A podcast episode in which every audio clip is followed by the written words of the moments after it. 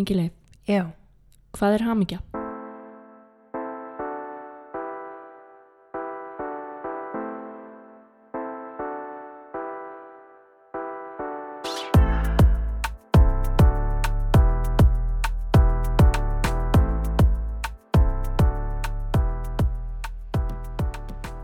já, hamingjan er okkar næsta umfjöllunar efni en svona til að byrja með það er kannski viðjandi að við förum aðeins yfir senstu vikumarja.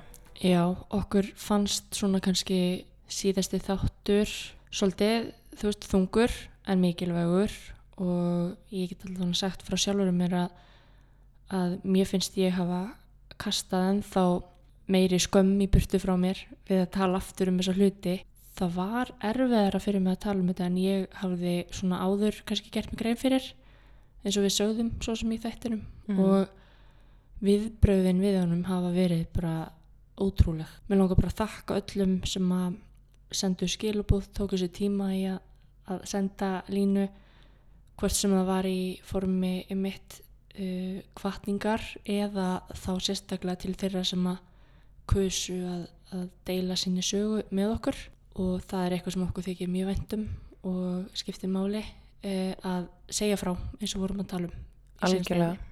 Algjörlega og, og við mitt bara takk öll. Uh, við hefum aldrei fengið svona miklar viðtökur uh, við neinum þætti þannig að við erum bara ótrúlega þakkláttar. Uh, Marja er náttúrulega hetja senstu viku, ég held að það sé alveg á hreinu. Þannig að okkur langaði bara rétt að, að segja takk hérna í byrjun Mhm. og takk öll sem að hlustu það voru ótrúlegar hlustunatölunar okkar í síðustu viku þannig að við erum afar þakkláttar fyrir það Já, og vonum auðvitað að þið haldið áfram að hlusta á raunveruleikan og nú er komið að þætti númer sjö, Já, það þýðir, ótrúld en satt, þýðir að við erum búin að vera í gangi í sjö vikur er skarplega aðtugað. búin að vera í gangi í sjö vikur Mér finnst það bara ákveðið afreg Já, það er næstum því tveir mánuðir. mm Mjög gott mál Já, og við ætlum að tala um hamingjuna, svona hinn hliðin kannski af um, umræðefni síðasta þáttar. Já, svona má segja það Já, og, hérna, og þá liggur beinast við að byrja á því að varpa upp fyrstu spurningu dagsins. Vi, við erum með nokkra svona spurningar mm Mhm. sem við viljum spyrja okkur að í dag og, og hvetjum ykkur sumulegis til að velta þessu fyrir ykkur. En, en Ingileif, hvað er hamingja? Góð spurning eh, Ég held að almennt sé hamingja bara svona þessi tilfinning sem að lætur okkur líða vel um, það sem að lætur okkur brosa og hlæja og svona njóta lífsins hún getur verið fólkin í einhverjum stórum afregum eða einhverju stóru í okkar lífi eða bara pínu litlum hlutum Mm eins og bara að liggja heitum potti Það gerir þig mjög hamingju sem að. Já, nú er ég að hugsa þegar við vorum að koma úr ferðalagi þar sem ég lá í heitum potti mér aðst að gegjað Já, þú ert eins og tómatur í framann. Einmitt Mjög sætur tómatur. Uh, en það til dæmis, uh, við vorum í ferðalagi með fjölskyldun okkar, það gerir mig mjög hamingi sama. Mm -hmm. Þannig að, einmitt, bara, þú veist, hamingjan er, held ég í grunninn, bara þetta sem að læta manni líða vel. mm. Er þú með eitthvað aðra skilgreiningu á hamingju? Nei, en nú er það þannig engileg að brosi beigja sem réttir af alla hluti. og eitt bros getur dimmu í dagsljós breytt. Sjáðu, þú veist, þetta, þetta er bara, það eru þessi litlu hlutir. Ha. En hérna, en svona ánalskrýnst þá hef ég pælt mjög mikið í hamingunni af, af því að hérna, auðvitað er þetta, veist, þetta er svona klassíst umræðefni. Hvernig finnur maður hamingju? Hvað gerir mann hamingju saman? Og þessi leita að hamingjunni uh, eins og sé einhvers konar ratleikur lífsins þar sem að hérna, kannski eru ólíkir farvegir sem við förum í til þess að finna okkar hamingju líka og það sem að getur gert mig hamingju sem að gera þig ekkert endilega hamingju sama mér finnst til dæmis ekkert mjög gaman að sitja í heitum potti mjög lengi en þú getur gert það í, í marga, marga, marga klukkutíma. Einmitt, en hamingjan er samt svo mikið svona grundvallar element í lífinu og aftur, þú veist, við höfum talað um svona tvíhyggju heima að þú veist, við erum með sorg og við erum með hamingju eða, eða hérna, sorg og sút eins og segir í læginu það lagar er það Tommy Jenny burt með sorg og sú. já, já, fyrir ekki það er, það kunum að tata sko Einmitt, og hérna um eitt, engar áhyggjur sko. en já, þannig að- okkur langaði aðeins að tala svona um, um hamingjuna hér í dag hjálpi mér.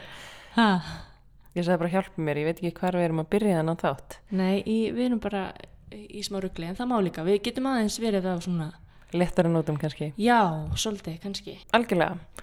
En uh, sko talandi um haminguna, þá sko þegar ég var yngri og til dæmis þegar ég var í mentaskóla, þá taldi ég mig svolítið trúum það að ég yrði hamingisum þegar eitthvað x myndi gerast.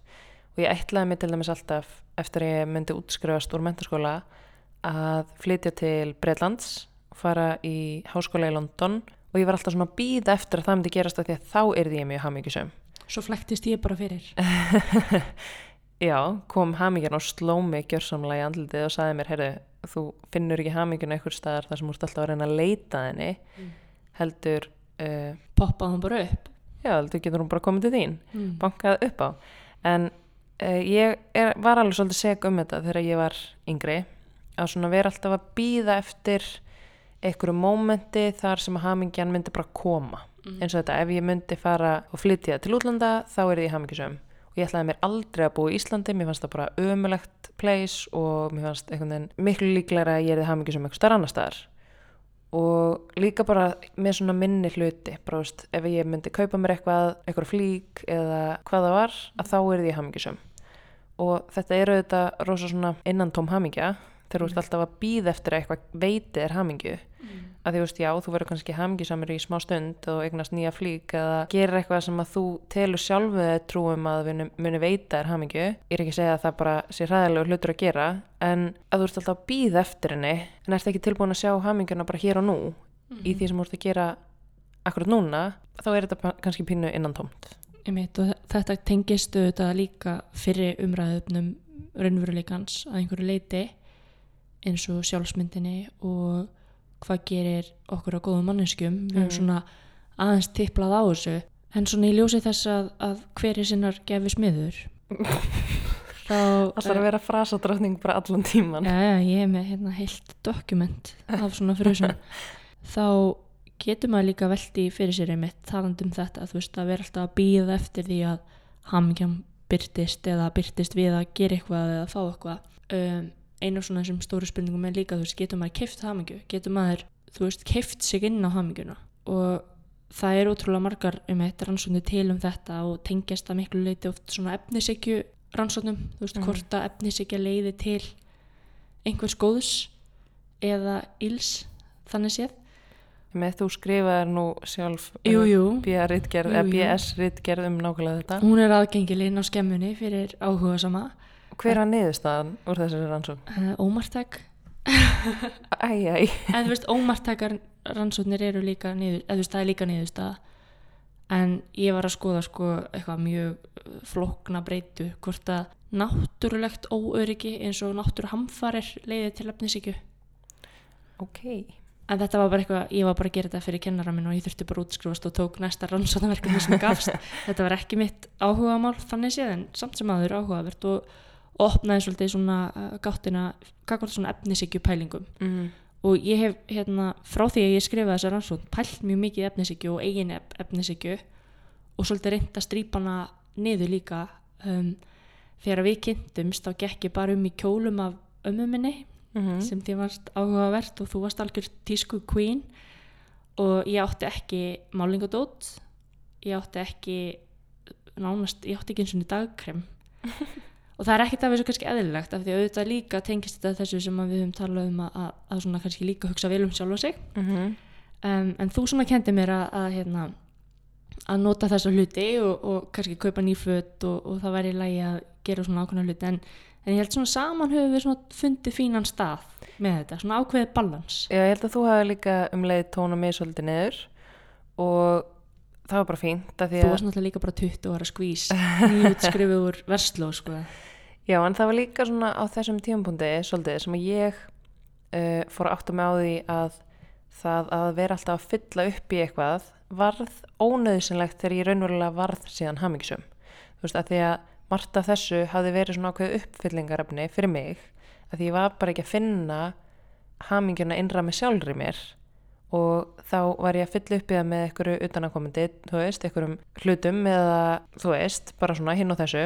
En þegar ég fann haminguna með þér, e, þá áttaði ég mig á því að ég þyrti ekki allt þetta utanakomandi. Mm Mitt svona kannski útli, útlýslega ástand þegar þú kynntist mér stafaði reynda líka kannski frá því að ég var einstæðmóðir í námi, háskólanámi og átti ekkert mjög mikið að peningum þannig að maður svona maður rettaði sér með ymsum, ymsum leiðum þannig að þetta var kannski ekki bara einhver pjúra hérna, hugssjón um efnishyggju eða þú veist að vera andefnishyggju týpa einhver en það var samt svona áhugverdi með þegar við mættumst í lífinu þá vorum við með mjög svona ólík sjónum með á hvað veri nöðsilegt og hvað veri ekki nöðsilegt Mm -hmm.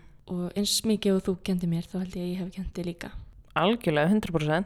mm -hmm. En mér fannst einmitt áhugavert að því að við kynntumst og ég var með svona stórar hugmyndir um að flytja til London og Mhm. fara í eitthvað náma þar og svona sem við töluðum alveg um uh, mikið þegar við vorum að byrja saman og þetta var svona, þetta hafði alltaf verið eitthvað svona einmitt, eitthvað svona pælingja mér um að þarna myndi ég finna hamingjuna og svo byrjuðum við saman og ég einhvern veginn bara svona uh, læriði að vera í hverstagsleikanum og læriði einhvern veginn að finna hamingjuna í því sem er hér og nú Einmitt. Og þá alltaf einu fór þessi hugmynd svolítið svona að dvína Mhm. hægt að skipta máli og einhvern veginn var bara svona í huganum á mér og endanum eitthvað sem var ekki einu svona nöðsynlegt að því ég var búin að finna innra með mér hamingju, skilur mig Mhm. og ég er ekki að segja þar með að veist, ég hefði ekki geta bara flutt með þér til uh, London eða við munum ekki geta búið eitthvað starf erlendis eða eitthvað þannig, veist, það snýst ekki um það heldur bara, ég áttaði mig á þessum tímapunkti á því að það sem ég hafði verið að stefna að snýrist ekki um neitt annað en bara svona mína þrá og leit að hamingju en svo þegar hún kom að þá var þetta ónöðsynlegt skilur þú hvað ég er að fara? Einmitt, þetta er svolítið svona hérna, pælingin um þú veist að það er skamgóði vermir að pissa í skóun sinn Uh -huh. þú veist að, að hérna, já já, þú veist mann er ískalt og hérna og maður pissar í skóun sinn til þess að þú veist, bjarga sér í smástund og svo bara býtur það mann mjög fast sérna mér og þetta er ekki alveg kannski bókstaflega þannig en, en svona þú veist, þessi, þessi skamgóði vermir sko, þú veist að að hérna, einmitt, kaupa sér eitthvað til þess að finna þetta hérna, kikki í smástund Uh -huh. uh, gera eitthvað, fara eitthvað og svo framvegis, við erum alltaf að leita að þessari tilfinningu Uh -huh. og ég heldur mitt svona að, að svona ráhamingja sé eitthvað svona sem að, sem að maður finnur í litlu hlutunum, ég trú að það, að þar liggur svona ráhamingjan, þú veist bara í því ég mitt að, að sjá batni sitt skrýða í fyrsta skipti sem Mhm. að er eitthvað sem að við upplöfum bara fyrir nokkrum dögum. Og þú fórst að hágráta yfir? Já, úr gleði, af því mér fannst þetta bara það fallegasta sem að ég hef séð, ég var bara mm. guðmið góður, þú veist, þannig er eitthvað kríli að taka fyrstu skrefin sín út í lífið. Og hann bara vilja stýrði líkamannum sínum í þá átt sem hann vildi sem virðist yfirleitt verið inn á baðherbyggi, hún finnst það mjög spennandi. Uh, en veist, það er bara eitthvað svo það er eitthvað svo gullfallegt að verða vitna þessum litlu mómentum. Mm -hmm.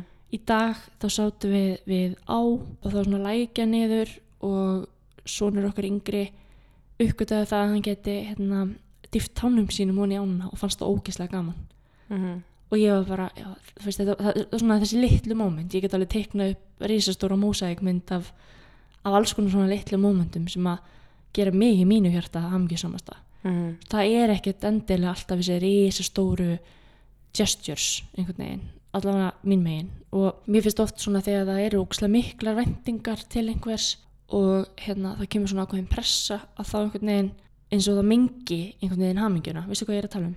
Já, þú ert að tala um það þegar þú ert ammali til dæmis og það er verið að halda veistlu og væntingarnar eru slíkar að það er erfitt að standa undir án þess að vera með pressu. Já, meðal annars, eða þú veist, ég er líka að tala um bara svona einmitt, hlutir sem eiga samkvæmt einhverjum skilgreiningum eða einhverjum hugmyndum úr bíómyndum eða annars staðar að veita hamingju. Það veit, veitir mér allan alveg mikla hamingju en samanlegt veita þessi litlu moment mér allan meiri hamingju. En ég held pínu að ef maður skoðar í grunninn af hverju maður gerir einhverju hluti, þú veist, af hverju maður á einhverju áhuga mál eða af hverju maður ákveður að læra eitthvað eða, eða fara eitthvert. Að maður skoðar sko hvaða kvatir eru á baki uh, af hverju maður er að gera þetta, veist, er þetta bara vegna þess að samfélagið segir að maður eigi að gera svona eða þú veist, það er einhver svona ytri áhrif, einhver svona hérna, einhver svona ytri kvati eða annað, þú veist ef að það er eina ástæðan fyrir okkur að gera hlutina þá held ég að þú gerir það af öðrum svona toga en ef þú ert að gera það vegna þess að það bara gerir þig hamingjusam til dæmis maður hefur mjög oft heyrt einmitt veini eða vinkonu tala um að, að það hafi leiðist út í eitthvað nám sem að til dæmis fóreldrarnir höfðu stundað eða einhver svona ytri pressa var um að, að stunda og þau hafi svona af skildurekni klárað eitthvað og svo bara fundið haminguna í söng eða fundið haminguna í leiklist eða einhver allt öðru. Mm og, hérna, og ég held einhvern veginn að maður þurfi svolítið að hlusta á um eitt vegvísin sem að við töluðum um í, í, í þætti hvað fjögur sem að, að mínum að þetta á að vera hjertamanns og svona hva, hvað manni finnst í raun og veru að þá er það líka ákveðin áttaviti á haminguna Emmett. Líka bara það emmett eins og þú ert að segja að, að láta ekki uh, haminguna stýrast að því hvað á að veita manni hamingju eða hvað öðrum finnst vera hamingja. Veist, það hvað veitir mér hamingju er ekki að saman veitir þér hamingju uh, í öllum tilvikum skiluru og eins og þetta ef að við finnum raunverulega fyrir hamingju í hjartan á okkur þá eru oft þessi litlu móment þar sem maður stendur upp úr hjá manni að því að maður er sáttur í núinu, skilur mig mm -hmm. Og aðeins til að snerta því aftur, þú veist, ég er ekki að segja að við eigum ekki að gera hluti sem eru risastórir og eru geggjaðir og eru, þú veist, eitthvað svona, eitthvað langt út fyrir bóksið alls ekki um, en ég er bara svona að segja eins og mín vegferð að þessari svona hamingju sem ég fann uh, var miklu meira þannig að ég held að eitthvað myndi gefa mér hamingju en komst síðan að því að það var bara eitthvað allt annað sem að gaf mér hamingju já ég held líka bara að sé ótrúlega mikilvægt að vera ekki að reyna að uppfylla hamingju einhvers annars eða að fara eftir einhverjum ákveðnum stöðlum um það hvað þú ætti að gera til að vera hamingjusamur heldur að maður verður svolítið líka bara að finna hjá sjálfum sér einmitt eins og þú ert að nefna ef mann langar bara að gera eitthvað sem er ekkit kannski alveg hefðbundið að leifa sér samt bara að gera það Mhm. af því að uh, á endanum er það sem maður gerir í lífinu ekki til þess gert að veita einhverjum öðrum hamingju. Það er til þess gert að maður sjálfur finni fyrir hamingju. Einmitt og maður hefur einmitt oft heyrt um það sko og jafnvel tekið þátt í því sjálfur að svona uh, reyna að lifa eftir væntingum til dæmis fóreldra sinna mm -hmm. eða væntingum annara og ég held einhvern veginn að, því fyrir sem að maður hérna svona horfist kannski augu við það hvað það er sem að mann er raunverulega sjálfum langar að gera og hvað það er sem raunverulega gera mann hamingi saman. Veist, ég segi mjög oft bara, veist hérna, whatever floats your boat sko, veist, það er bara hérna, við eigum öll svo ótrúlega ólík áhugamál og uh, horfum svo ólíkt á lífið og það er það sem að mér finnst svo skemmtilegt við uh, manneskjuna. Umfjöllunarefni raunveruleikans. Já, svo er líka þetta að þú veist, út af við getur líka litið út fyrir að vera rosa hamingjusamur einstaklingur. Mm uh, þó svo sért það kannski ekkit inn í þér. Það er mjög auðvelt að feika það. 100% og veist eins og ef að ég hugsa tilbaka þegar ég var í mentaskóla uh, að þá voru öll skilirði alveg í toppstandi og ég átti góða vinni og vingunur og einhvern veginn allt bara alveg 100% heimil mitt í góðulegi og allt einhvern veginn. Uh, en ég svaf í gegnum bara svona 90% tímana minna og þegar ég kom heim úr skólanum fór ég að sofa og svaf bara í nokkar klukkutíma ég vel og svo var kannski eitthvað að gerast eitthvað staðar en ég valdi yfirleitt bara að vera heima frekar og var oft bara ein heima og um, sótti bara þá frekar í það að vera einhvern veginn ein og sofa og eitthvað svona. Þegar ég pæli þessu eftir á er þetta bara mjög skýrt að mér leið kannski hitt sérstaklega vel. Mm -hmm.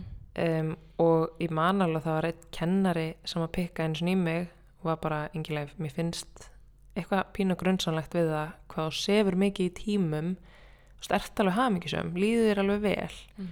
og ég var bara, eitthvað, já, já, ég er bara alltaf þreytt. Emmett þú veist, en uh, nei, kannski leið mér bara ekkit sérstaklega vel. það, það eru fáir sem myndu kannski segja já, sko gott, hún nefni það. Ég, hérna, mér líður bara alls ekki vel. Þú veist að go to svarið mig hjá manni er svo oft bara nei, nei, það er allt í góðu, nei, nei, mm. nei, nei bara allt í góðu hjá mér sko, ekki hafa áhugjur eða og meiri sæði spurningin oft bara hvað segir gott?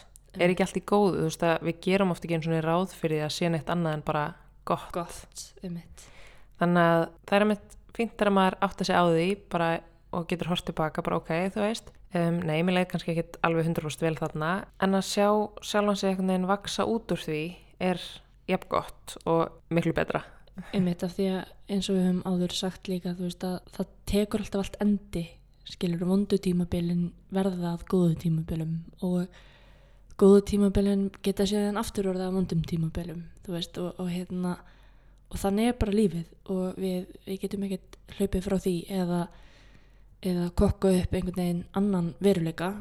Um, og einmitt talandum mentaskóla þá hérna þegar ég var í mentaskólanum á Ísafjörði þá voru þessi málaferðli í gangi sem við töluðum um í síðasta þætti. Mm. og það vita það ekki mjög margir en ég hérna ég var bara stöðugt að einmitt bara feika það. Og ég hérna skuttlaði sinni mínum í, í daggæslu hjá stjúpmömmu minni. Hún var dagmóðir á þeim tíma mjög þægilegt. Og sagðist vera fyrir skólan skrópaði síðan yfirleitt í skólanum eða mætti illa eða svona mætti tíma með hálfum haus uh, og svo um leið og ég gat þá fór ég heim að sofa Mm. og svaf þangað til að ég þurfti að sækja stráki minn í dagislun aftur og let bara eins og dagurinn hafi verið góður Mm. það er alveg pínu svona pressa alltaf að maður eigi að vera hamingisamur og manni eigi að líða vel og ef þið líður ekki vel þá áttu bara að gera þetta og þetta og þetta og þá verður þetta allt í lagi, skilur Mm. En stundum þá bara líður mann illa. Algjörlega og þær tilfinningar eiga alveg jafn mikið rétt á sér og tilfinningar gleði og hamingju. Og ég var að eiga þetta samtali mitt bara um daginn þar sem að ég var að tala um mannsku sem að sagði eh, hvað sér fyndist oft mikil ofur áhersla á hamingju. Af því að það væri kannski ekki grunninn eh, þar sem að maður ætti alltaf að vera að stefna að af því að maður á alveg líka að stefna að því að finna bara alla tilfinningarnar, ekki bara fyrir hamingju, þú veist, það er líka bara ótrúlega þroskandi að finna fyrir erfiðu tilfinningunum og, og finna að það er ekki allt geggjað og frábært. Mm -hmm. og eins og við höfum alveg komið inn á áður líka, þú veist, þá kemst enginn í gegnum lífið áfallalöst og það koma erfiði tímar og hamingjan er bara hluti af lífinu, hún held ég getur aldrei verið bara 100% lífið eins mikið og maður getur stemt að því af því að svo bara komum upp aðstæður sem að eru erfiðar og allt það. Einmitt, og kannski þarf maður líka að finna hérna, kontrastana til að vita hvernig tilfinningarnir eru. Mhm. skilur þekki maður þekki maður hamingja maður þekkir ekki sorg? Mm. og þekki maður um, hva, hvað eru fleiri anstæður, ég veit það ekki. Ást ef maður þekkir ekki hatur. Nei, samt ekki. Já, ég veit það ekki, ég veit það ekki. En sko, yngilega af því að að því að brós uh, kostar minna en rafmagn. En en ber meiri byrtu Guð minn góður. Þá langaði mér svolítið að, að pæla í sko um, svona þessi tjekklisti þú veist með hamingjuna. Að maður hefur oft sagt sko hérna að ég væri til í að vera hamingjusamari með sjálfa mig eða með aðra eða aðstæðu mínar eða eitthvað svona. Og það er alltaf einhverju svona alls konar hérna veist ráð til. Og margt af því hérna og, og þegar maður skoða svona kenningar um hamingju þá er talað um að að hún stafi meðal annars af tengslu með annað fólk sem meikar alveg sens. Veist, eins og þú veist að tala um að það meikar alveg sens að, að hérna að það veiti mér hamingju að vera með fjölskyldurum minni og vinum og, og hérna félagskapur og allt þetta. Svo er mjög oft talað um, veist, bara að hugsa vel um sjálfum sig. og svo talað um líkamsrækt. Mm. það er svona súrsætu veruleiki af því að þú veist, ég veit alveg að í hvert skipti sem ég fer að reyfa mig þá finn ég fyrir aukinni hamingju en svo gleymi ég svo ofta að reyfa mig. Og það er oft bara leðilegt, sorry. Já, það er bara oft mjög leðilegt en oft mjög gaman. Mm en já, þannig að það er talað um, líkamsrækt og svo líka hérna, þú veist talað um bara almennt um svona velgengni. Að það að ganga vel veitir manni hamingju og að gera góðverk eða þú veist, Mhm. eitthvað, svona, nú er ég bara að tala um svona almennt úr, úr einhverjum svona sjálf sjálf bara bókum. Já, nei, þetta er meira sálfræðikenningar sko. Já, en svo er margt af þessu líka eitthvað sem að, eins og við höfum talað um áður, uh, eitthvað svona checklista, það sem að koma bara svona tíu hlutir sem að þú getur gert til þess að finna lífsaminguna uh, eða tíu hlutir sem að gera þig hamingjusamari í daglegu lífi. Þetta, eins og komst þennan aðan, er kannski skamgóður vermir, en svo held ég þetta verði samt í grunninn eða ætlar að finna alvöru lífshamingju að koma að innan, þú veist, að, að þú getur ekki notað utan að koma til hluti til þess að finna hamingju. Og þess vegna held ég líka að þú veist peningar mun ekki gera þig hamingju saman í grunninn. Þú getur keift alls konar hluti sem að geta gefið þér hamingju með peningum en raunveruleg lífshamingja er eitthvað sem þú getur ekki keift einmitt og þa það er einmitt hérna líka oft eitthvað sem að við höfum talað um að, að í grunninn, það að fá að vera maður sjálfur til dæmis í tengslu við kynneið eða hérna uppruna eða annað mm. snýst um uh, bara lífshamingjuna Mm. í grunninn uh, það að fá að vera viðukendur það að vera uh, metin til jafs við annað fólk það snýst í grunninn um það því veist ég og þú báðum, báðar þekkjum alveg hvernig það er að, að svona efast um eigin hamingju og, og svona átta sig kannski ekki alveg á því að í grunninn voru stærstu hindranirnar við sjálfar Mm. Þú veist, við horfðumst ekki alveg í aug við það hverja við vorum og svo auðvitað þú veist, eru hérna, erfileikarnir þannig að, að maður fer í gegnum skablana þú veist, og, og þeir koma og fara og maður móka sig bara í gegn og það, það mun ekkert fara þó sem maður myndi ekki hérna vilja sko. Mm. og, partur af lífinu bara partur af lífinu þannig að þú veist því fyrir sem að maður viður kennir það og horfir svona við þann raunveruleika þá held ég einhvern veginn að svona þessi áföll og, og stóru skablar hætti að koma manni óvart og það þarf ekki að hliðra til hamingjunni það þarf ekki að varpa hamingin úr, úr hásætinu sínu þó svo að maður lendi í tímabundnum erfileikum mm. og mér finnst oft svona einhvern veginn svo þetta sé svo mikið stilt upp sem svona ultimate goal og ef þú kemst þangað þá ertu bara góður. En mér finnst það á sama tíma svo mikið tálsýn af því að hamingjan hún kemur og fer. Og það er ekkert hættulegt við það. Mm. og allar hinna tilfinningarnar munu koma líka þú veist. En þetta snertir auðvitað bara marga fleti tilverunar uh, líka bara ástasambönd. Þú veist hvenar ertu hamingjusamur og hvenar ertu ekki hamingjusamur í ástasambandi. Og ég las á netinu að eftir að fólk giftir sig þá tala um eitthvað svona tvö ár þar sem þú ert á eitthvað svona sky high leveli og svo fari bara svona hið venjulega líf að taka við.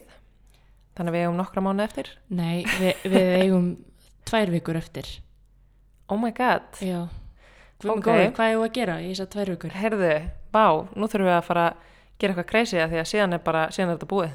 Já, já Þetta er búið að vera, þetta er búið að vera gaman en eh, getum við þó ekki bara keft hluti? Jú, jú, það er loksins fyrir að fylla upp í þetta. Nei, sko, að því að þarna komum við líka inn á þetta hverstagslega eh, sem ég held að sé bara ótrúlega mikilvægt eins og bara í ástasambandi að leifa þér ekki að taka hlutina sem sjálfsögum mm -hmm. að því að maður er ótrúlega duglegur að gera það bara almennt líka í lífinu þú veist, Tengsl við aðra tengsla aðra, þú veist, og allt þetta. Að leifa sér ekki að detti þann gýr heldur halda áfram að hafa hlutina spennandi, hafa það skemmtilega. Vera á tánum, svolítið. Já, og bara, þú veist, fara á date og gera sér, þú veist, dagamun og allt þetta, og það er þetta líka við um bara vinasambönd að þú veist, maður er oft svo fljótur að taka hlutunum sem sjálfgefnum. Og kannski svolítið finnast maður ekkit endilega alltaf þurfa að vinna inn fyrir, fyrir hlutunum eins og Mhm. þeir komið bara sjálfum sér. En, en ég held einhvern veginn um að það er alveg rétt sem þú segir að uh, engin tengsl og engin svona árangur kemur á sjálfum sér mm. Veist, þetta, er, þetta er vinna og það er ógslag mikil vinna að vera manneskja í mannheimum og hérna, miklar kröfur sem eru gerðar á okkur öll algjörlega og sumar kröfur eru kannski alveg bara uh, hérna réttmætar en aðrar eru bara auka pressa svona auka fytulag á lífinu sem við getum alveg reynd að skera í burtu mm. og ég og þú við erum oft búin að tala um það einmitt. hvað getum við gert til þess að minga hérna, pressuna og þetta hamstrahjól sem við upplöfum okkur oft svo mikið á? Og mér finnst eða fátt meira tætandi en að upplefa svona að hafa ekki alveg stjórn á veruleikunum þú veist að maður er einhvern veginn bara bundin inn í einhvern, einhvern svona einhverja rútínu og svo ranka maður við sér, þú veist við fórum núna í tveggja daga frí og það var ekki símasamband og það var geðveikt. Mm. Af því að við gátum þá bara án samvinskupits verið bara í samveru án þess að pæla í einum meðan einum. Og mér var sama hvað klukkan var mér var sama um ytri heiminn visti ekkert hvað var að gerast þú veist í pólitíkinni eða, Mm. eða fréttunum. Og það var svo ótrúlega gefandi að vera bara mitt í tímaleysinu að bara njóta. Algjörlega og þetta er eitthvað sem maður gleymir alltaf ofta að gera uh, svona í hverstagsleikanum og sérstaklega með eins og bara, veist, allir þessari tækni, veist, við erum erum ótrúlega háð því að vera veist, við erum ótrúlega háð því að geta fylst með öllu sem er að gerast og öllum sem við þekkjum og allt þetta. Uh, þannig að það er ótrúlega gott annars slægið að kúpla sig aðeins út úr því að því að í þessu hamstrahjóli þá gleymir maður oft líka bara sjálfum sér og maður gleymir því að maður er kannski sokkin svo djúft inn í annara manna hamingju að maður er að gleyma sinni eigin og þetta er líka það sem ég var svo oft segum að ég horfði bara á okkur á manneski út í heimi þú veist bara í gegnum eitthvað blogg eða Instagram eða hvað var og bara hún er svo hamingjusum að því að XXX, þú veist hún er í þessari vinnu eða hún er að gera þetta hún á svona fjölskyldu eða bara hvernig sem það er. Og ég hef heyrt meira þess að fólk segja þetta við okkur.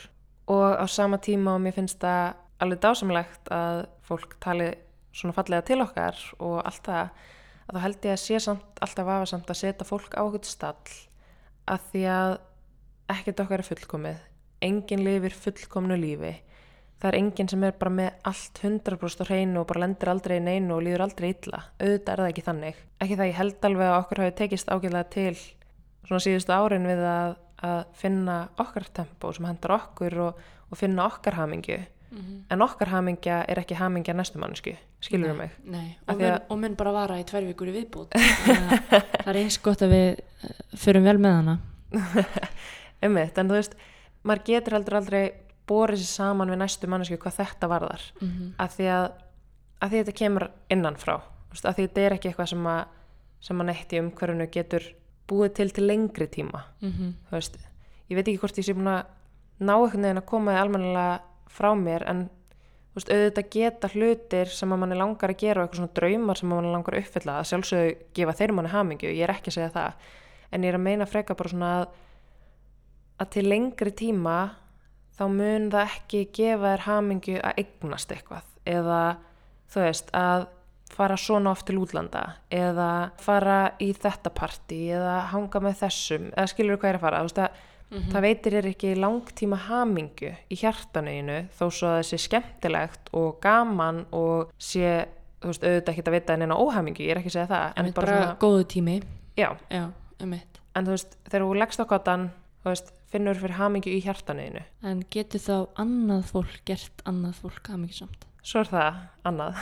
Getur maður stólað á hamingju frá öðru fólki? Það er mjög hættulegt uh, og ég held að það sé mjög vafasöm braut að feta að ætla að setja það í hendur annara mannesku að veita mann lífshamingju. Auðvitað getur önnur manneskja gert mann hamingju saman. Verið góður ferðafélagi. Algjörlega og ég finn það alveg 100% að líf mitt var hamingjuríkara eftir að við kynntumst. Alveg 100% skilur mig. En ef ég myndi leggja alla ábyrðin á minni hamingju yfir á þínar herðar þá væri ég samt líka bara að setja óraunhafar kröfur á þig af því að þú getur heldur ekki ætla bara að standa undir minni lífshamingju eilifu skilur mig? Mm en maður hefur alveg átt þannig hérna vinasambund til dæmis. Mm. þú veist það sem að vinasambund hefur byggst á því að, að ábyrðin einhvern veginn á hlutunum er öðru megin og ekki Mm. hinum megin og líka bara í tengslu við fjölskyldu meðlumi eða annað. Þú veist það er ekkert, ekkert sérst það er svona sem mér dettur í hug en maður hefur svona skinnið þetta í kringum sig. Um, einmitt þetta með að stóla á að aðrir haldi manni uppi sko, veist, það er það er alveg vafasamt sko. ég hef alveg Mm. verið veist, þegar, þegar, mér, þegar mér leið mjög illa á sínum tíma þá gerði ég það alveg smá gagvart svona mínum nánustu vinkunum Mm.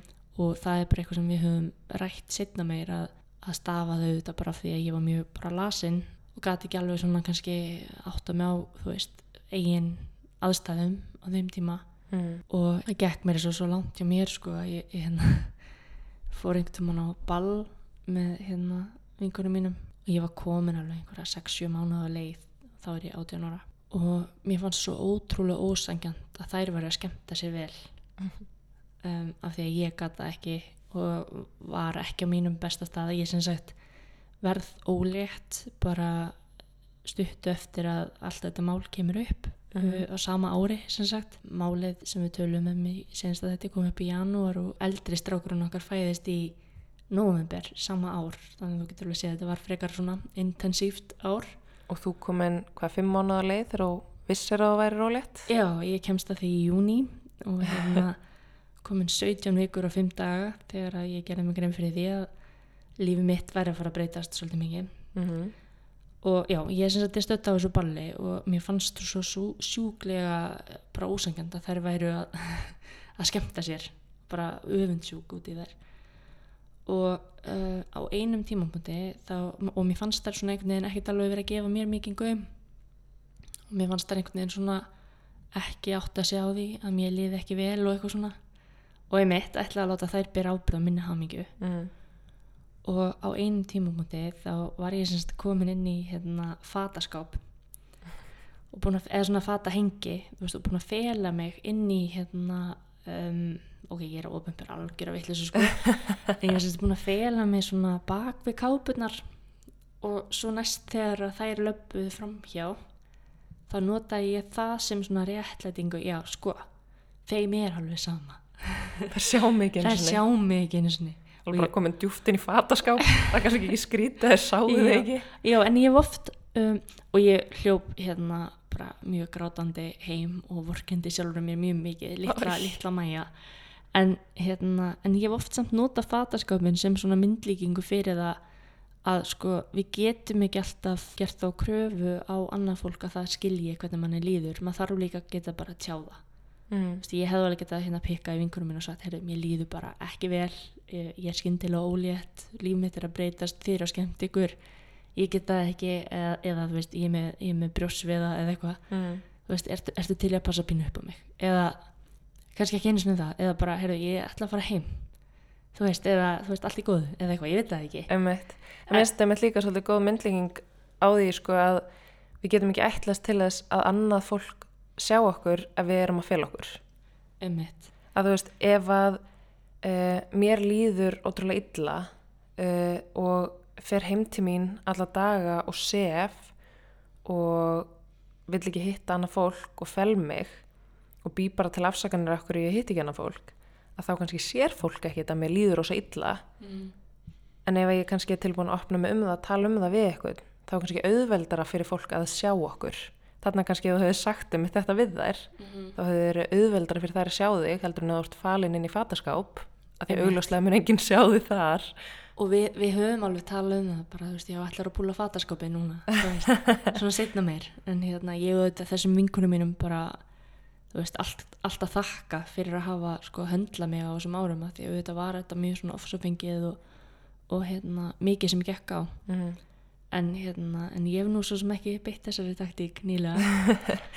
Og, og svo sem ekki heldur líðið ítla nýlega, þú veist, það hérna, svona mitt eins og við rættum í síðasta þetta, svona tók þetta alveg nokkur ára að græða sárin en, en, en þau eru svona nokkurt veginn gróin, Mm. þau, þau eru svona nokkurt veginn gróin þó svo örin verða alltaf á sínum stað, þú veist, en, en maður, maður er svo sem ekkert með hérna blæðandi sár þó maður sé með ör Nei, nákvæmlega. En líka með þetta sko uh, að vera í núinu, uh, að því að við snertum svona aðeins á svona tækninni þann, þú veist, þá er þetta líka eitthvað sem að ég held að mjög margir séu ótrúlega segir um og við höfum oft verið bara sjúklega segar um að gleyma að vera í núinu að því að við erum að fylgjast með eitthvað sem er að gerast á internetinu eða við erum að, þú veist, of uppteknar bara við að taka myndir eða, þú veist, eða fylgjast með eitthvað annað fólk er að gera eða, eða býða eftir næsta kabla í lífinu einhvern veginn, eða þú veist að, að gleyma, gleyma þessum kabla núna því að maður er, er að fyrir næsta skref já, skilurðu. eða líka bara það, þú veist, þegar maður er út að borða, þú veist, að vera ekki, vera ekki alltaf, þú veist, að gera eitthvað annað en að bara njóta þess sem er í gangi hér og nú, skilur mig. Mhm. um, og ég hef svona alveg aktíft verið að passa mig á þessu og við, þú veist, höfum alveg gert svona ákveðna reglu með það, þegar við förum út að borða eða setjumst eitthvað stað saman þá erum við bara ekki í símanum. Af því að þetta er orðið eins og mikil tímaþjófur og þetta er orðið svo mikið eitthvað sem að sem er bara svona partur af lífimanns en er að taka allt og mikla orku frá því sem er að gerast hér og nú. Og Mhm. þú veist, ég veit að maður er það eru allir segjur um þetta, skilur mig uh, en ég held að maður ég held að geta alveg hjálpa til bara svona í því að njóta momentsins núna að bara aðeins að reyna að fjarlæga þetta. Við vorum einmitt bara að sjá fínt dæmum það núna í bústað, skilur að því við höfum ekki einu svona símasamband og hvað þá netsamband. Að þá er maður ekki fastur í þessu hérna, þessum umheimi sem er í kringum sig. Einmitt, en það var líka ótrúlega svona skrítið að upplefa, þú veist að fyrst var maður alltaf svona, akk, hvað er símum minn? Æ, byrju, ég ætla að kíkja á símum minn. Svona það, það er svona lærð hegðun Mhm. að, að gera það og svo á degi tu eða, eða bara eftir fyrsta daginn, þá bara símum minn var upp á einhverju komaðu bara það sem eftir var og ég pældi ekkert í honum, mm. ekki eins og niður til að tjekka hvað klukkan var, sko.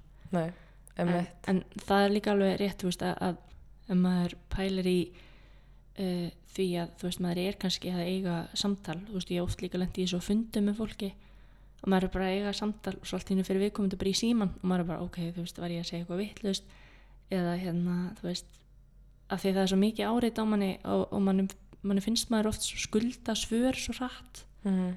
og hérna, þú veist, þetta hérna með að að vera með messenger, samanskupið og allt þetta, þú veist, að, að hérna finnast maður einhvern veginn alltaf þurfa að vera online. Uh, Sem er þetta auðvitað getur bara- líka brótt verið bara fyrir eitthvað dónalegt, þú veist, hvort öðru fólki. Já, þetta er líka bara óraunhaf krafa að svara öllu strax, þú veist, það er bara eitthvað sem maður getur ekki gert. Af því að ef maður er með 50 óöfnið skilaboð þá mun maður ekki komast í gegnum daginn sinn og eiga samtöl við neitt þú veist, ef maður ætlar að svara öllu, skilur mig. Þannig að uh, maður verður líka að gefa sjálfum sér smá slaka. Veist, það er, það eru óraunhafar kröfur að eiga alltaf að vera sítengdur en líka lifa, þú veist, í raunveruleikanum. Uh, og ég held líka að því að vorum að tala um að þú veist, maður tekur oft svona því sem er næst sér uh, sem sjálfsögum hlut að þá líka, þú veist, mér finnst þetta alveg spila smáðan inni að þú veist, maður myndi kannski ekki taka upp síman og fara bara að eiga samtala við ykkur aðra mannesku en maður væri, þú veist, með ykkur sem er aðeins fjær sér en að maður er með, þú veist, fjölskyldunni sinni, vinum Mhm. sínum, makanu sínum þá maður gjarnar á að gera þetta Einmitt, bara í fjölskyldum matabóði, svo lítur maður í kringum sig og það er allir í símanum og maður er bara, heyrðu, hérna, þú veist, hvað við að gera? Hvað við að pæla? og ég, ég er svona þú veist, ég veit alveg ég gera þetta oft sjálf en ef við erum ekki staðar og þú byrjar að gera þetta þá verð ég bara svona, maður að hættu þú veist, ég verð alveg svona pyrra á því. Mm Judging Amy.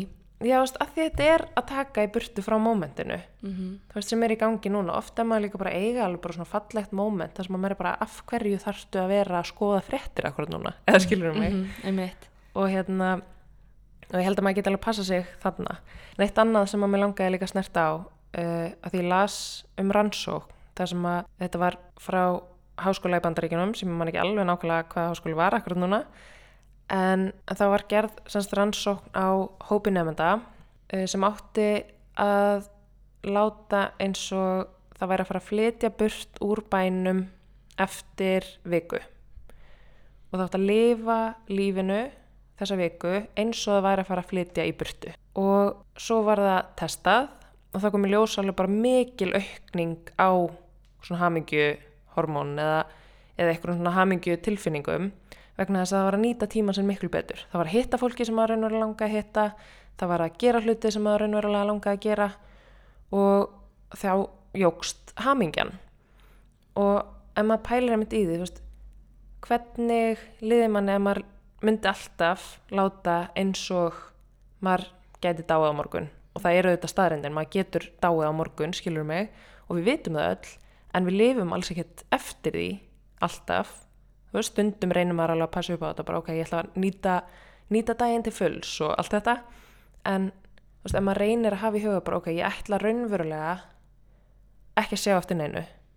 Og ég ætla rey- raunverulega að reyna að tengjast fólki veist, eiga þessar stundir sem eru svo góðar þó svo þær séu ekki stórar þó svo þetta séu engin groundbreaking moment heldur bara þessar litlu stundir að nýta þér til fulls.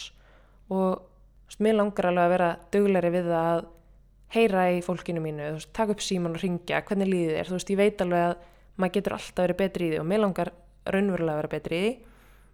Og líka mitt bara þetta að vera á staðnum.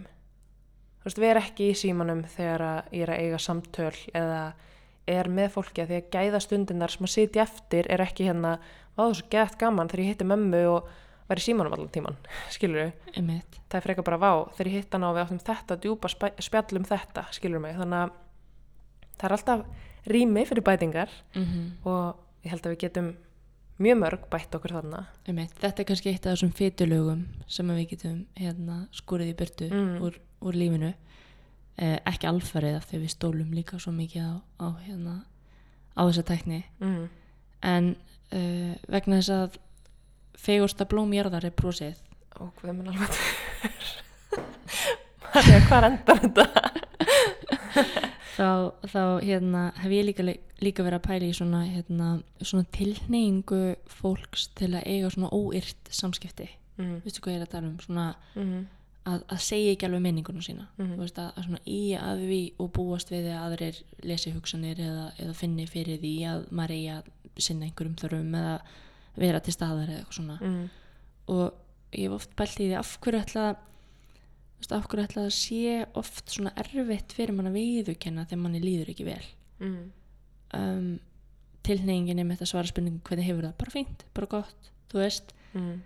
uh, það er ekki mjög margir einmitt sem staldra við og segja sko gott þú spurðir, hérna ég var að lendi þessu, ég hef áhyggjur af þessu og, og hérna og ég veit ekki alveg hvert ég stefni í lífinu en annars bara gott yfir úti veist, það, þú veist, við erum oft svo grunn einhvern veginn á, Mm. á það hvernig hvernig svona þessi venjulegu samskipti eiga sér stað og ég veit alveg veist, að fólki kringum mig- sem að notar svona með þessi óvirtu samskipti er að gera það til þess að gefa mann eitthvað hint Mm. og, og ég er ágætt í að peka þau upp sem betur fer og þá getur maður svona reynd að mæta þú veist, þessum kröfum en, en það er oft svo mikið tabú að hérna að vera á krosskutum eða finna, finna ekki fyrir hamingjunni eða vera, einhver, vera einhvern veginn ekki alveg að, að finna tilgangin í því sem að maður er að gera eða eitthvað svona og Mm.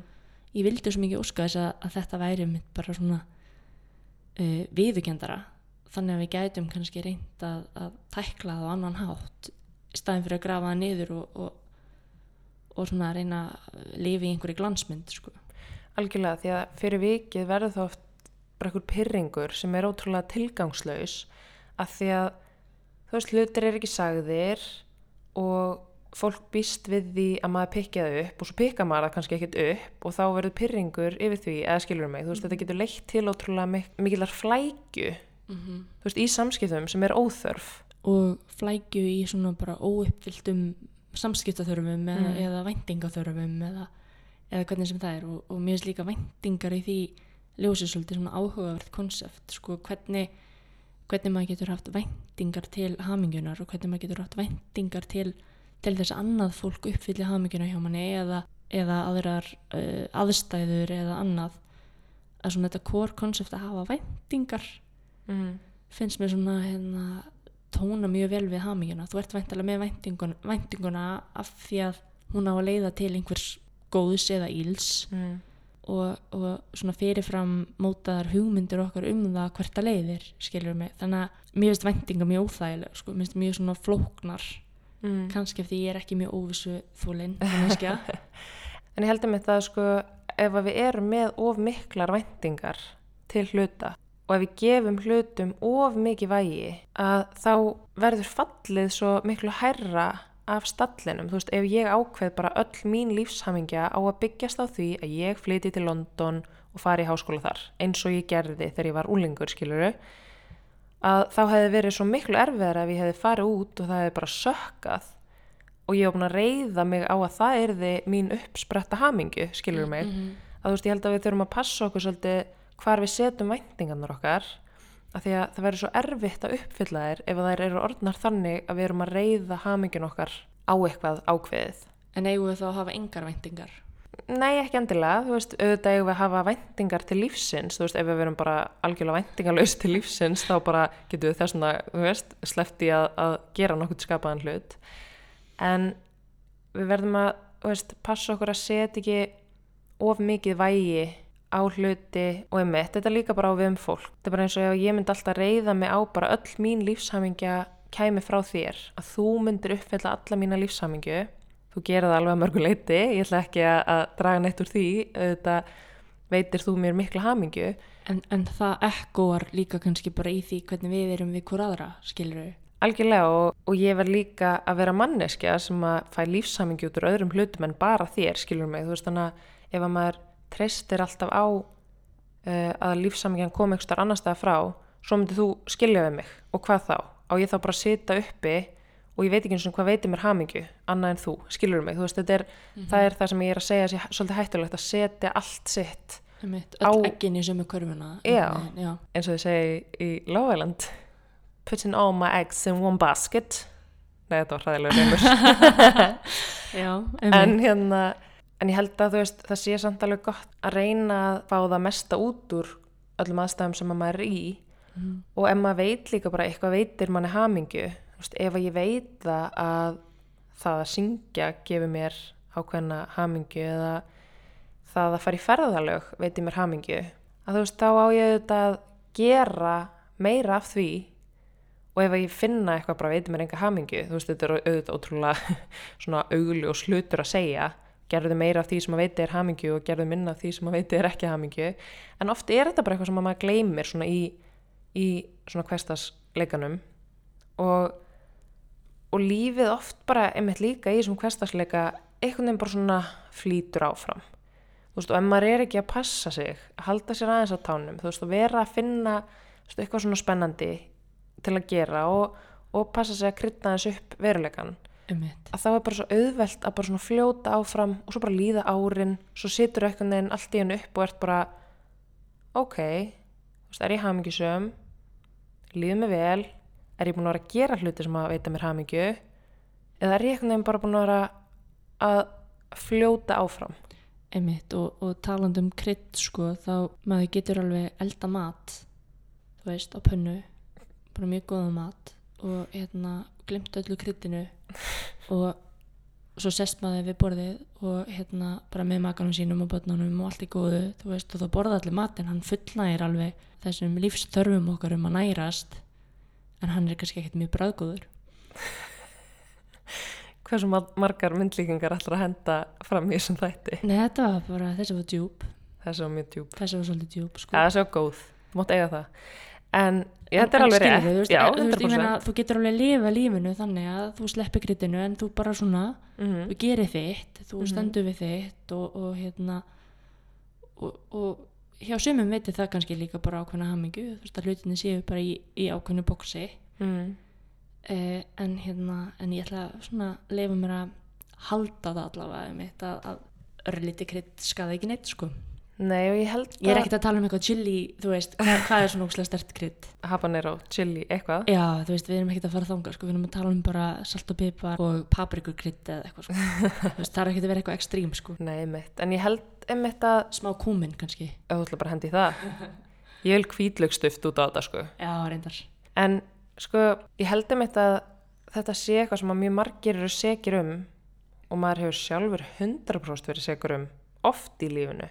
mjög margir eru segir og maður hefur sjálfur 100% verið segur oft í lífinu að einhvern veginn bara svona lalla áfram og, og er ekkert alveg að pæla í því þú veist, að passa sig þarna. En þess að nefnir dáist maður svo mikið af fólki sem að, maður sér einhvern veginn að bara, þú veist, hættir í 9-5 vinninu sinni selur húsi sitt og bara fer að uppfylla draum sinn um að bara ferast um heiminn eða eitthvað. Einmitt. og við erum oft svo hrætt við að taka svona ákvarðanir. Uh, og ég held að þú veist Kannski aftur með vendingunar af því að þú veist hvað ef það er síðan bara ekkert næs. já, algjörlega, ég menna það getur líka gerst en ég held að margir eigi sér drauma sem eru hrættir við að láta vaða á af því að það er bara svo þægilegt að vera í hverstasleikanum og Þú er bara- út fyrir kannski eitthvað örgisnett. já, ég menna það að lífið einhvern veginn bara gangi sinn vana gang er oft brótrúlega þægilegt en ef það er ekki veita manni hamingju þá held ég að það sé alveg þess virði að endurskoða það og hugsa bara ok, þú veist, hvað í grunninn er það sem að veita mér hamingju? Ég ætti kannski bara að stíga út úr þessu að því að síðan er oft líka aftur varandi væntingarnar þú veist, fólk hugsa oft bara já, ok ég er ekki hamingjusum uh, hamingjusamur eða hamingjusamt í þessari vinnu. Næsta vinna mun örgulega veita mér hamingju. Og svo myndu bara einhvern veginn vera að hlaupa á eftir þessu í hversu langan tíma. Af því að síðan mun kannski bara engin vei, vinna veita þér hamingju ef þú ert ekki búin að finna hamingjuna innra með þér. Einmitt. Kannski þurftu að líta þér aðeins nær. já, algjörlega. Og svona fara eins inn á við og það er alls konar sem að getur hjálpa manni þar. Og nú ætla ég ekki að fara að vera ykkur jóki eða neitt slíkt að því ég er það ekki. En þú veist bara svona það að hugleiða eða þú veist fara eins inn á við og hugsa bara ok, þú veist hvenar hefur mér liðið vel á hvaða stundum í mínu lífi hefur mér liðið sem best. Þú veist er það bara þegar ég er þú veist að eiga stundir með fjölskyldunum minni? Er það þegar ég er þú veist að synda eða eitthvað skilur að finna bara svona hvaða stundir eru það sem hafa veitt mér hamingju? Ég ætla að gera meira af þeim og minna af einhver öðru í staðin Emitt og, og svona eitt sem að við getum alveg sagt fólki frá sko að, að við höfum svolítið svona nota sem um, tæki hjá okkur. Mm. Er að svona þegar við finnum að um, við erum komnar eitthvað út á spórinu þú veist okkur líður ekki nógu vel eða erum hættar að finna tilgang í því sem við erum að gera eða eitthvað svona þá höfum við haldið svona, svona stöðufundi Mm. þar sem að við bjóðum hver annar á date og við höldum alltaf að, að það sé gert bara vegna þess að við komum til langur að fara á date en svo kemur ljós að það er bara svona ágætis intervention í gangi. Og, hérna, og þetta hefur alltaf leitt til þess að við höfum tekið mjög svona drastískar ákvarðanir um bara svona nei, já þetta er rétt hjá þér neisti minn er horfin, ég þarf að finna ég þarf að finna neistan aftur. Og þetta snýr ekki bara að vinnu endilega, þetta getur líka bara, bara verið alls konar annað en en þetta er svona, hérna, hefur verið ágætið stól fyrir okkur til að svona stilla okkur aðeins af. Mm. af því að við erum pínur svona sprettluparar þú veist, okkur finnst rosalega gott að hafa challenge fyrir framann okkur og hlaupa í áttamarkmiðanum Mm. og okkur líður ekkert mjög vel þegar við erum farnar að svona bara sigla um einhvern veginn, Einmitt, sem og, er gott og vond sko, Já, og þú er mitt og við tölum um það í senast þetta að þú hefur verið formaður stýrihóps um aðgerðir gegn kynfyrasópildi í réttafæslu kerfinu var ég aftur með hann titil í lagi? Ekki alveg en þetta var flott. Erfiðasti titill sögunar eh, og þú varst í því starfi en fyrir það þá hafður verið í starfi sem þú varst svona aðeins byrjuð að svona lalla svolítið í.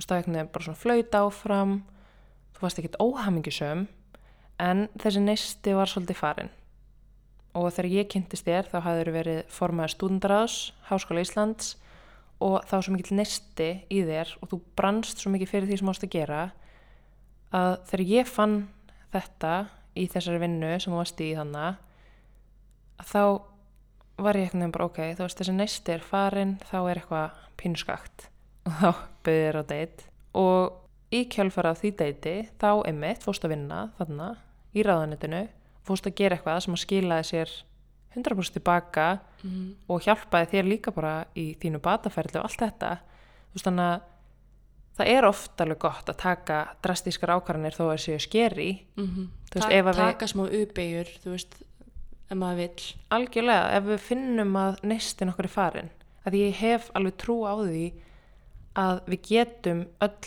fundið hennar neista og við eigum alveg að finna hann mm -hmm. þú veist við eigum alveg að gera þær kröfur til lífsins aftur, þú veist ekki væntinga þú veist stýra í þannig að, að væntingarna séu styrlaðar en við eigum samt alveg að gera þær kröfur til lífsins að við getum fundið neistan í því sem við erum að gera. Einmitt, og af litlum nesta verður oft mikið bál.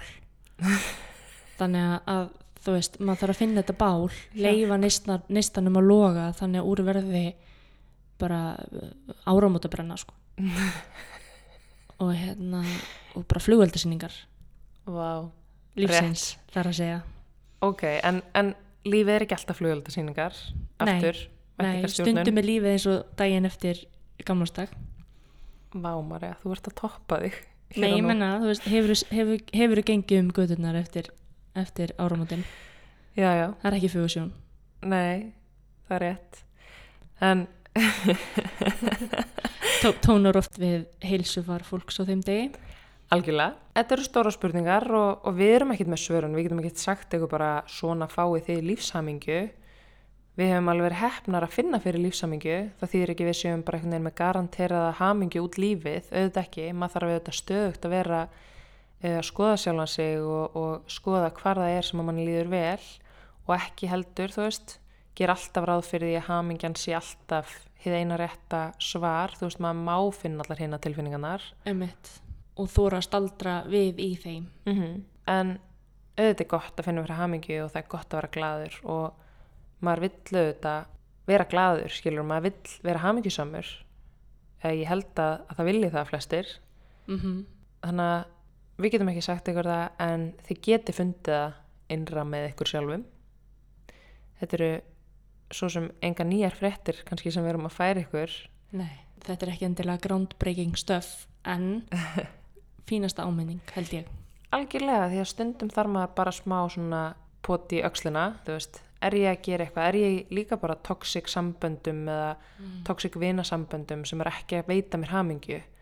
Uh, er ég að followa fólkin á Instagram sem að þú veist, læti mig líða illa þú veist, oft er þetta bara svona litli hlutir sem að maður getur fjarlægt Eitthvað svona lítið, lítið noise. Já, sem maður getur bara fjarlægt á auðvöldan hátt. Þú veist, ef þú ert að followa okkur á Instagram og finnur bara, hú, þetta er bara að búa til kvíða innra með mér eða, hú, þarna get ég, þú veist, losa mig við eitthvað sem að er ekki að gera mér neitt rosalega gott að, þú veist, oft svona litli hlutir geta alveg hjálpa til. Ég fæ oft styrlaðan kvíða ef ég er mikið ósvöruðum skilabóðum á Facebook eða Instagram og ég tek alltaf svona reglulega, veist, opna bara öll ósvöruð skilabóð og reyna að svara þeim bröllum af því að það eigður út kvíða hjá mér. Þú gerðir þetta um daginn í fyrsta skipti og þú varst að svara postum sem komu hvað 2008 nýju Já. eitthvað svo les og, og þú sagðir já ég verða að svara öllum. Ég bara það er bara skrítið að svara. Nei sko ég var að opna öll. Já, já, Ég opnaði sum skilabóð frá okkur svona strákum sem ég hafi reynt að deyta. Hef greinilega gósta og að því ég var ekki sinni búin að svara einmitt. en, en alls konar svona utanakomandi noise sem að er að draga úr okkar uh, lífsamingju uh, það er alveg hægt að leysa svoleiðis flækjur með bara einföldum aðgerðum. Þannig að ef eitthvað svoleiðis er að flækjast fyrir ykkur þá hveti ég ykkur til þess að veist, bara reyna að lúsa svoleiðis út en maður hefur alveg heyrt fólk stundum segja eitthvað svona það er bara val að vera hamingjusamur, þú veist, það er bara val að líði gilla og ég held samt að þú veist það sé alveg mikilvægt að adressa það af því að það er rosalega innföldun þú veist, fólk er oft bara mjög þunglind og það er ekki að velja það. Þú veist, það er ekki að velja það að vera ekki hamingjusamt. Og það getur ekki tekið ákverðin bara nú ætla ég að hætta að vera þunglind eða þunglindur eða þunglind. Af því að það bara mun vera miklu einfaldara að ákveða bara hér og nú að vera hamingjusamur. Uh, einmitt bara þetta, hérna, já, líður illa. Hættu því bara. Já, það er rosalega einföldun og Einmitt. við erum ekki hér með að segja bara veljið bara að vera hamingisöfum og aldrei líða illa. Þú veist, alls ekki. Og ég vona við höfum alveg komið nægilega vel inn á það þú veist, manni líður oft illa og það er ekki eitthvað sem maður getur forðast í lífinu. Það er hluti af því að vera til. Algjörlega, og ef manni líður alveg hræðilega illa og maður finnur fyrir mikill óhamingju þá er samt mjög mikilvægt að leita sér hjálpar og maður getur unnið úr slíkum vandamálum eða slíkum erfiðleikum uh, eins og höfum alveg snert á áður í þessum þáttum. Veist, það er ekkit vandamál svo stórt að þú getur ekki unnið úr því og mér langar ekki að neinum líða eins og við séum að innfalda þetta rosalega og segja einhvern veginn bara að það sé alltaf hægt að finna hamingju. Þú veist, stundum er það bara ógeðslega erfitt og stundum er ekki hægt að taka einhverjar auðveldar ákvarðanir eins og bara mér erst gaman að gera svona hluti og þá ætla ég að gera meira að þeim og þá er ég hamingisamur. Það er oft miklu flóknara og oft eru áföll sem að liggja baki, oft eru erfileikar sem að liggja þar að baki sem að maður þarf fyrst að komast í gegnum áður en maður getur yfir höfuð fara að pæli því hvað gerir mann hamingisaman. og hreinlega bara hindranir sem að verða í vegi mannskort sem þeir eru líkamlegar eða, eða veraldlegar 100%. Og auðvitað er það oft þannig og þá er leiðin að haminginu oft bara mjög hlykkjótt. einmitt, en margir vegir eru leikjóttir Algjörlega. og það þýðir ekki að maður get ekki komist hérna, upp á topp í hérna á heiðinni og komist aftur niður Einmitt, og stundum þarf maður að taka handbremsu beigju. Já. og stundum þarf maður að nauðhemla en þú veist, þetta snýst bara, bara allt um að komast frá uh, stað A til B eða A til Ö eða hvernig sem það er Já, en ég held að það sé svona fínt að reyna að hugsa líka, veist, þetta líf er mitt líf og ég ætla að lifa því bara fyrir mig. Ég er ekki að lifa mínu lífi fyrir neitt annan. Ég er ekki að bera ábyrð heldur á tilfinningum annara. Ég ætla ekki að lifa lífinu þannig að ég sé bara að fylla upp í væntingar annars fólks. Ég ætla að lifa þessu lífi fyrir mig. Ég ætla að finna það hvað gerir mig hamingisama. Uh, ég ætla að bera ábyrð á minni eigin líðan og ég ætla að reyna að stefna þangað sem ég langar og reyna að finna haminguna í þessum litlu hlutum og stóru hlutum.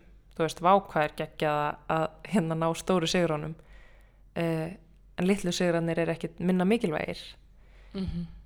og ég ætla ekki þú veist, þegar ég er orðin gömul að líta tilbaka og hugsa oh, ég hefði geta nýtt þessa stundi betur oh, ég hefði geta rækta þessi tengsl betur oh, ég hefði geta bara látið vaða á okkur drauma sem að virtust fjärstæðukendir en voru í rauninu bara eitthvað sem að hefðu gefið mér ákveðna lífsfyllingu Mhm. að því við viljum ekki sjá eftir ég hafi ekki gert eitthvað sem að hefði geta veitt okkur ákveðna gleði Mhm. og ég held að það sé eitthvað sem að maður verður að hugsa og dæmið með háskólinæmyndina sem að áttu að láta bara eins og þeir verður að fara að flytja í burtu eftir viku. Og ég held að þetta sé ótrúlega gott að þó svo mér eigi ekki alltaf bara okkur með einst degi að vera bara nú ætla ég að láta eins og ég sé að fara að flytja til Ástralja á morgun. Veist, það er kannski ekki alveg raunhæft en að hafa það svona á baku eirað að reyna að nýta lífið á meðan við lifum því. En það er líka, þú veist, ég veit alveg að það eru mjög margir sem hugsa og þú veist, maður hefur oft verið segur um það líka sjálfur þú veist, að þegar ég verð rík þá mun ég gera þetta. Eða þegar ég eignast drauma makan minn þá mun ég gera þetta. Eða þegar ég flyt í einbýlishúsi mitt þá mun ég gera þetta. Að þú veist, við erum alltaf einhvern veginn að setja sko markið eitthvert og gleyma því sem er að gerast akkurat núna.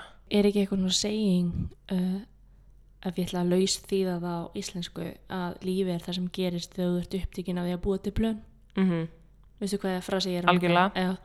og, og maður sér þetta oft svona hangandi á, á veggjum hjá fólki og svona Mhm. en, en þetta er líka í kjarnan svo satt af því að á meðan við erum um upptíkin við að plana lífið og plana næstu skref að þá er lífið bara að tikka hver einasta sekundu, uh, hver einastu mínútu hvernig einasta klukkutíma -hmm. sólarhengsins, þá eru við að lifa Mm og oft þjóta vik, vikunar hjá á þess að nokkuð hafi gerst sem er gott, þú veist að þarf ekki endilega að vera slæmt sko -hmm.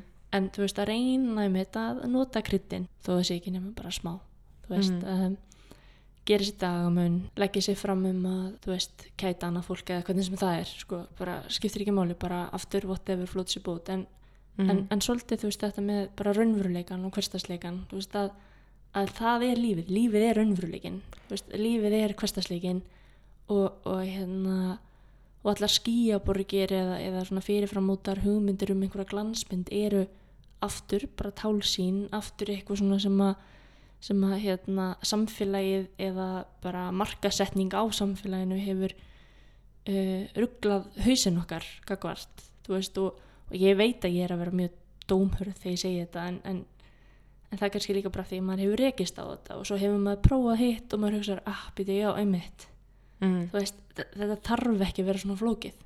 Að þeim þetta stundum verðum við kannski heldur ekkit rík á neinum tímapunkti í lífinu. Kannski eignustu aldrei einbýlishúsið sem við erum alltaf að setja sko markið á að þá munum við gera hitt og þetta. Þú veist, af hverju ekki bara gera það núna? Og þetta kemur kannski líka svolítið inn á það sem við tölum um í einhverjum þætti. Þar sem við vorum að tala um það sko að við vorum alltaf að býða með það að búa til bann að því að tímasetningin var ekki fullkomin. Einmitt, þanga til að ég fekk flóg og þú helst að ég verið að deyja og hugsaður bara, vá, hvað ef við hefðum ekki verið búin að reyna og það hefði eitthvað hræðilegt verið að gerast? Þú veist, viljum við hugsa eftir á, oh, ég hefði átt að gera þetta en ekki verið alltaf að býða eftir að gera þetta. Af því að þá myndi tímasetningin vera fullkomin eða þá myndi eitthvað utanakomandi vera betra. En hvað með það sem er að gerast núna, hvað með það sem er innra með okkur? Af því að það er hinn raunverulegi mælikvarði. Ég finn ekki haminguna í einbýlishúsinu eða peningunum eða nýja bílnum eða hvað það er. Ég finn hana í því sem ég á hér og nú. Í þú veist, fjölskyldunum minni. Einmitt. Í litla barninu mínu sem að skrýður og við fyrir að gráti yfir, skilur Einmitt, mig? einmitt. og talandi um líka bara þessi þættir eru að gefa okkur alveg ótrúlega mikið. Þú veist, við erum að spjalla um alls konar hluti sem við höfum kannski oft alveg svona dýftánum í en kannski ekkert farið út að vaða áður. Og hérna og mér, mér hefur fundist ótrúlega gaman, veist, þetta er ekki loka þáttur þetta á ekki, hljóma þannig en, en þetta er samt svona, þessi þáttur er kannski svolítið að ramma inn alla síðustu þætti. Mm. Og hérna, og kannski bara svona kapla skil eða eitthvað, kannski fyrir við að tala um einhver aðra hluti næst, Mm. ég veit ekki en ég held samt þekkjandi okkur og við munum alltaf að reyna að tengja þetta í svona sama þema Mm. sem er unnveruleikin en það er líka búið að gefa okkur útrúlega mikið bara að einmitt spegla okkur í þessu og leifa hugunum að fara að flugu og pæla í þessum hlutum og, og við hvetjum ykkur öll til þess að pæla í þessu og ræða þetta við ykkar hvort sem það er maki eða vinkona eða fjölskylda eða mamma eða whatever bara Mhm. við, við fólkið ykkar af því að veist við erum öll með þessar tilfinningar við erum öll að fara í gegnum sömu æfiskeið við förum í gegnum sömu tímambil en hérna en kannski gleymum stundum að spekla okkur bara í hvort öðru Mm. af því að þú veist, ég hef upplifað kannski eitthvað sem þú hefur ekki upplifað og öfugt Mm. og þannig getum við öðrulega stýpri skilning á því hvað það er að vera manneski hvað það er að lifa í raunveruleikunum Emmett og guðmund góður hvað maður myndi ekki vilja breyta því að hafa tekið ákvarðanir emmett að því að maður vill ekki sjá eftir hlutum.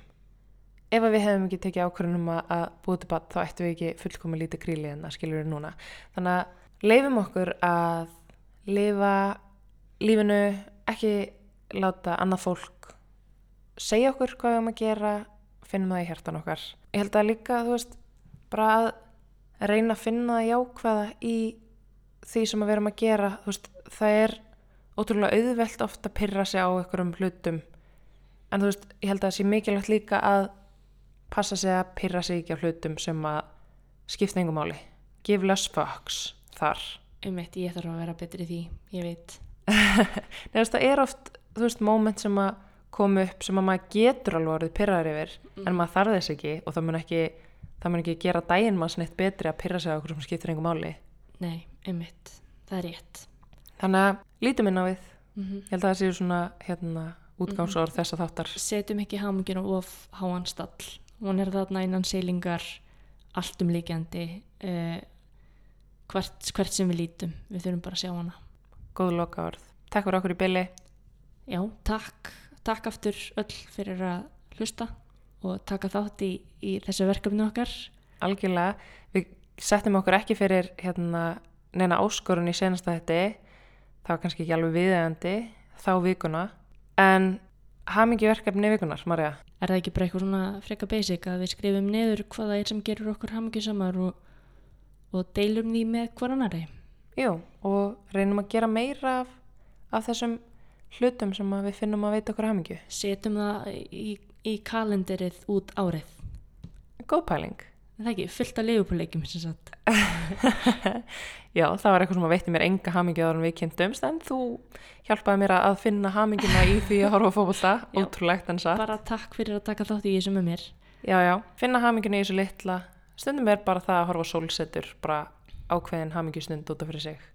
um mitt uh, en já, aftur bara takk fyrir að hlusta og ef ykkur líka við þáttinn þá þykir okkur ofurvendum það að þið subscribe eða followið þáttinn eða skiljið eftir hérna, komment um hvað ykkur finnst Gefu okkur einhvern.